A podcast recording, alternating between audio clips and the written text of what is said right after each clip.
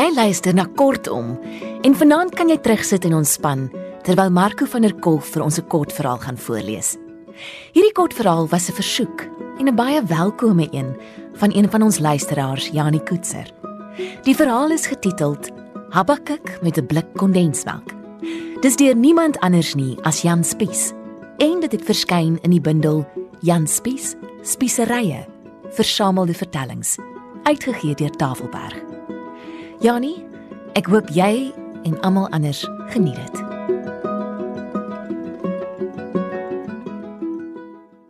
Dis nou eenmal van ons Afrikaners. Ons is feesmense. As ons hier een of ander gebeurtenis in 'n okasie kan omsit, dan gaan ons die kans nie verby nie. En as die storie dan nog buitendien aan die waardige kant is, dan loop dit op 'n gewigtige ding uit. Ongelukkig is die wêreld 'n plek met baie vliee wat net een pad ken.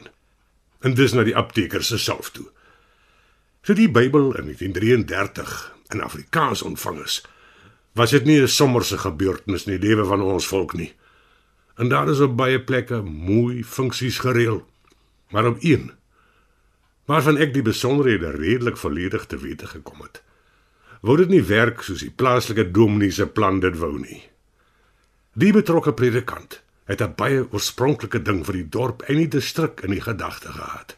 Daarvoor was die stadsaal en die skoolkinders nodig. En die kerkraad het die seën gegee op die dominee se onderneming.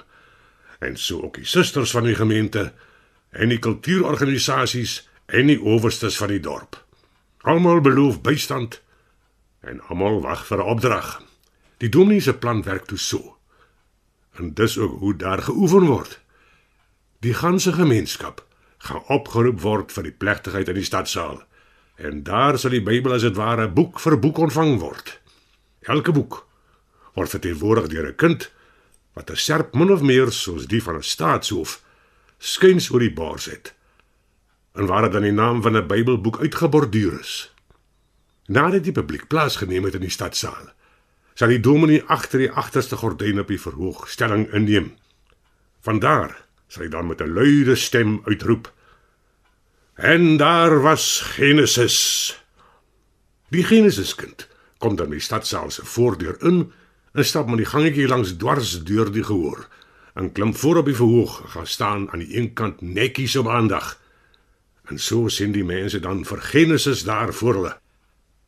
Vervolgens laat die dominee hoor en daar was Exodus. En dan sal Exodus dieselfde weg volgens Genesis en langs die gaan plek inneem. En so sal die Bybel dan kind na kind op die verhoog staan gemaak word van Genesis af tot by Openbaring. Om plek vir al die deelnemers in te rig, is daar op die verhoog bankies gesit waarop die agterste boeke van die Bybel kan gaan staan sodat nog steeds vir die gehoor sigbaar kan wees. So word daar weke lank aand vir aand geoefen. En aand vir aand laat die dominee vir 66 keer hoor. En daar was en aand vir aand na die 66ste kind plek ingeneem het, kom die dominee van agter die gordyn te voorskyn en loop dan 'n draai deur die leesstadsaal om self ook te sien hoe aanskoulik die voorstelling behoort te wees. Daarna gaan hy terug na sy plek agter die gordyn en oefen sy eie verskyning op die verhoog. Hy kom van die sykant af agter die gordyn uit en kry sy staan langs Genesis. Van daar af sal hy sy boodskap lewer en die afsluiting en die bedankings waarneem. Terwyl die dominee met die oefenaar in die saal doenig was, het 66 susters tuis die name van die Bybelboeke op die serpe sit en uitborduur. Maar kennende 'n kind, neem die dominee en die susters die gesamentlike besluit om die serpe ten einde hulle skoon te hou, eers op die allerlaaste vir die kinders te gee. En dit sou wees wanneer die hele groep so wat 'n halfuur voor die verrigtinge by die stadsaal saamtrek. Vir die finale oefening op die aand voor die funksie, nooi die dominee die kerkraadslede en ook ander vooraanstaande figure uit vir mondelike afrondingswenke. Maar daar is geen punt van kritiek nie. Niemand kan ook dink aan 'n byvoeging van die een of ander aard nie. En so breek die groot dag aan. Van 12 uur se streek af, lê almal se rit in skreede stadsaal toe. Daar staan later 'n plaat mense soos die dorp nog nooit gesien het nie. Half 1 word hulle gevra om in te gaan. Net die 66 Bybelboekkinders bly buite. En elkeen ontvang sy sjerp en moet dit dadelik omhang om 'n onnodige vatry daaraan te voorkom. Die duidelike instruksie van die dominee, geonderstreep deur die skoolhof, is dat die sjerpe skoon gehou moet word. Daar mag nie soveel as 'n stoffie of 'n streepie op wees nie.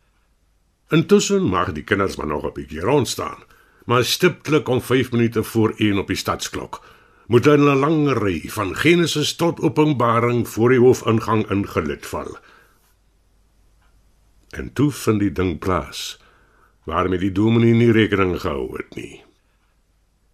Die meeste kinders is tot oorlopers toe trots op hulle serpe en op die name wat daar voor hulle borste uitgespel staan. Psalms, Rut, Daniel, Johannes, Petrus.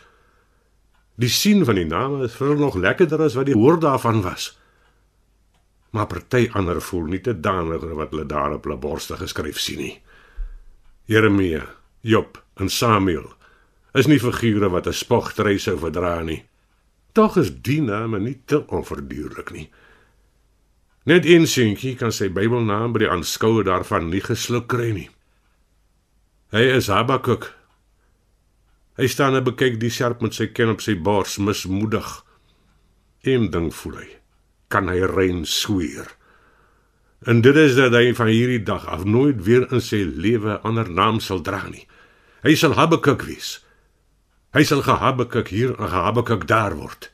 Waar hy hom ook al tussen al die ander kinders bevind, op die rugbyveld, in die klaskamer, in die swembad, op die speelgrond, oral.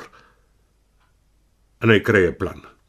Sy pa se winkel is net om die hoek van die stadsaal af En gelukkig sou die winkel oopgehou word tot op die laaste minuut voor die plegtigheid begin. En hy seil met die straat af en die sjerp se klos eintlik sterk kwas agter hom maak. In die winkel is hy so uit asem dat hy skars sy nood kan kla. Wat is dit jong, hoe sê pa weet. Alles aan my doodspot pa sê en wys aan sy bors. Maar my kind, pa kan daar niks aan doen nie. Pa kan geen net vir my 'n blik kondensmelk. Ek kan nie Habakuk van 'n merwe wees vir solank ek leef nie. Nee, my kind. Habakuk van 'n merwe sal nie lekker klink onder pa se dak nie. Maar hoe kan ek kondensmelk help? Pa, ek wil Habakuk vir kwansel vir 'n ander naam en dan gee ek die blik kondensmelk op die kop toe. Die van 'n merwe pa sien dit sy spruit se kop reg op sy lyf sit. En hy gee vir hom 'n groot blik kondensmelk. En daarmee begeef Habakuk om terug na die res van die Bybelboeke toe tyd om kieskeurig te wees is daar nie. Hy moet die transaksie afhandel voor die groot ding begin. Hy hardloop hom aan rigters vas. "Hey Pieter, kan ek hier ruil met jou nie? Ek wou so graag rigters gewees het. Kom ons ruil. Dan gee ek jou hierdie blik kondensmelk." Rigters is skoon oorbluf oor die onverwagte meevaller. En daar word geruil. Rigters van 'n merwe maak hom met die voete en Pieter Habbeke kom tot verhaal. Hy kyk op sy bors af na sy nuwe naam. Habakuk. Habakuk Loopser. Nie Adagotta. En Habakuk Loopser storm vir 2 Samuel Pretorius. Haai Mari, wil jy nie ruil met my nie dan gee ek jou hierdie blik kondensmelk. Ek wou tog so graag Samuel gewees het. En 2 Samuel Loopser verdwyn in die borrelboeke. Habakuk Pretorius ruik onraad en storm vir Nehemia Engelbrecht. Daar word handel gedrywe. Habakuk Engelbrecht begeef hom na Jesaja Dietlifs, die homself in die gedagte van Habakuk weer na Ezra Mouton, die weer as synde Habakuk ter wille van kondensmelk na Mariki Maliagi, sy weer na Efesiërs. En van die af onderneem die Habakuk serp en die blik kondensmelk so te sê al Paulus se sendingreise en versel hulle so te sê ook al sy sendbriewe teen die tyd dat die stadsklok op 5 minute voor 1 staan. Was bykans die ganse Ou en Nuwe Testamente te klein om aan Habakuk met sy blik kondensmelk 'n tuiste te bied. En toe kom die order dat daar hastig in die ry geval moet word. Van die gevolge van die kwanslery om nie Habakuk te wees nie, word daar dadelik vergeet. En die kinders bondel in hulle plekke in, soos wat by die oefenry toe alom ten tweede natuur by hulle was. En die voorste een, oorspronklik Genesis, maar nou Levitikus, hoor die magtige stem van die dominee deur die stadsaal kom. En daar was Genesis. Levitikus loop tot luiters van die gangetjie af deur die volgepakte stadsaal en gaan neem plek in by die beginpunt van alle dinge. En daar was Exodus. Psalms happel die verhoog op en gaan staan skiels regop as die tweede boek van die Bybel. En daar was Levitikus. Lukas kry sy staan in die derde posisie van die Ou Testament. Die ouderlinge en diakens, die broeders en susters, die katkesante, jongelede en sonnaarskoolkinders, die dopsowersters en distrikleiers, die geringstes en die vernames van die gemeenskap en die gemeente, almal sit verslae. Maar die dominee wat agter die gordyn net op sy gehoor aangewese is, glo dat alles nog volgens plan verloop. Wanneer die voetstap op die verhoog stil word, kondig hy die koms van die volgende boek aan. En daar was Numeri. Jona trek op sy eerste dagreis fort verhoog toe. En daar was Deuteronomium. Die skone Ester begeef haar verhoogwaarts. En daar was Joshua. Die derde brief van die apostel Johannes vind sy weg. En so was daar die een na die ander boek wat nie is wat hy was nie. Die dominee bevind hom uiteindelik kort by die einde van die Nuwe Testament. Vir die eerste, tweede en derde brief van die apostel Johannes staan klaagliedere, Kolossense en twee kronieke onderskeidelik in. En daar was Judas. Die edele Rut maak haar verskyning dat daar met die ry af nog steeds besigheid gedoen is.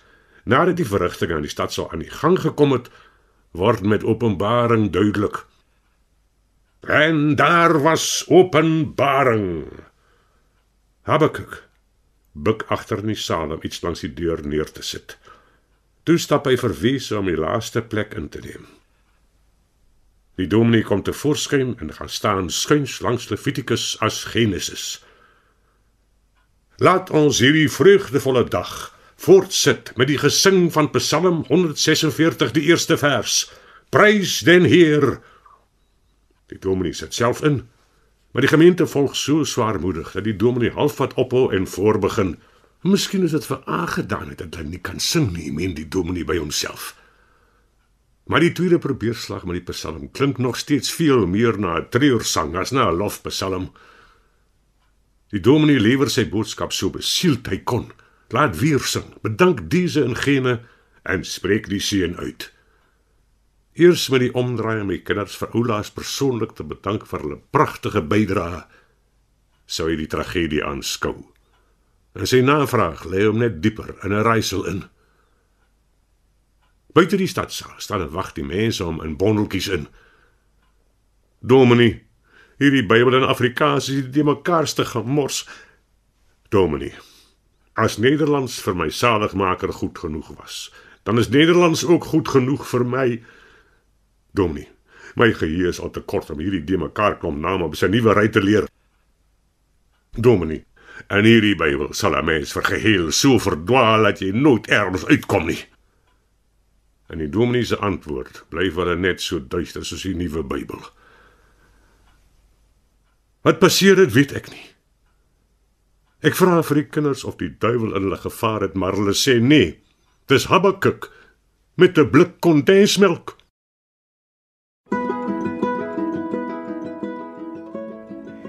Dit was dan Habakuk met 'n blik kondensmelk deur Jan Spies. Voorgeles deur Marco van der Kolf.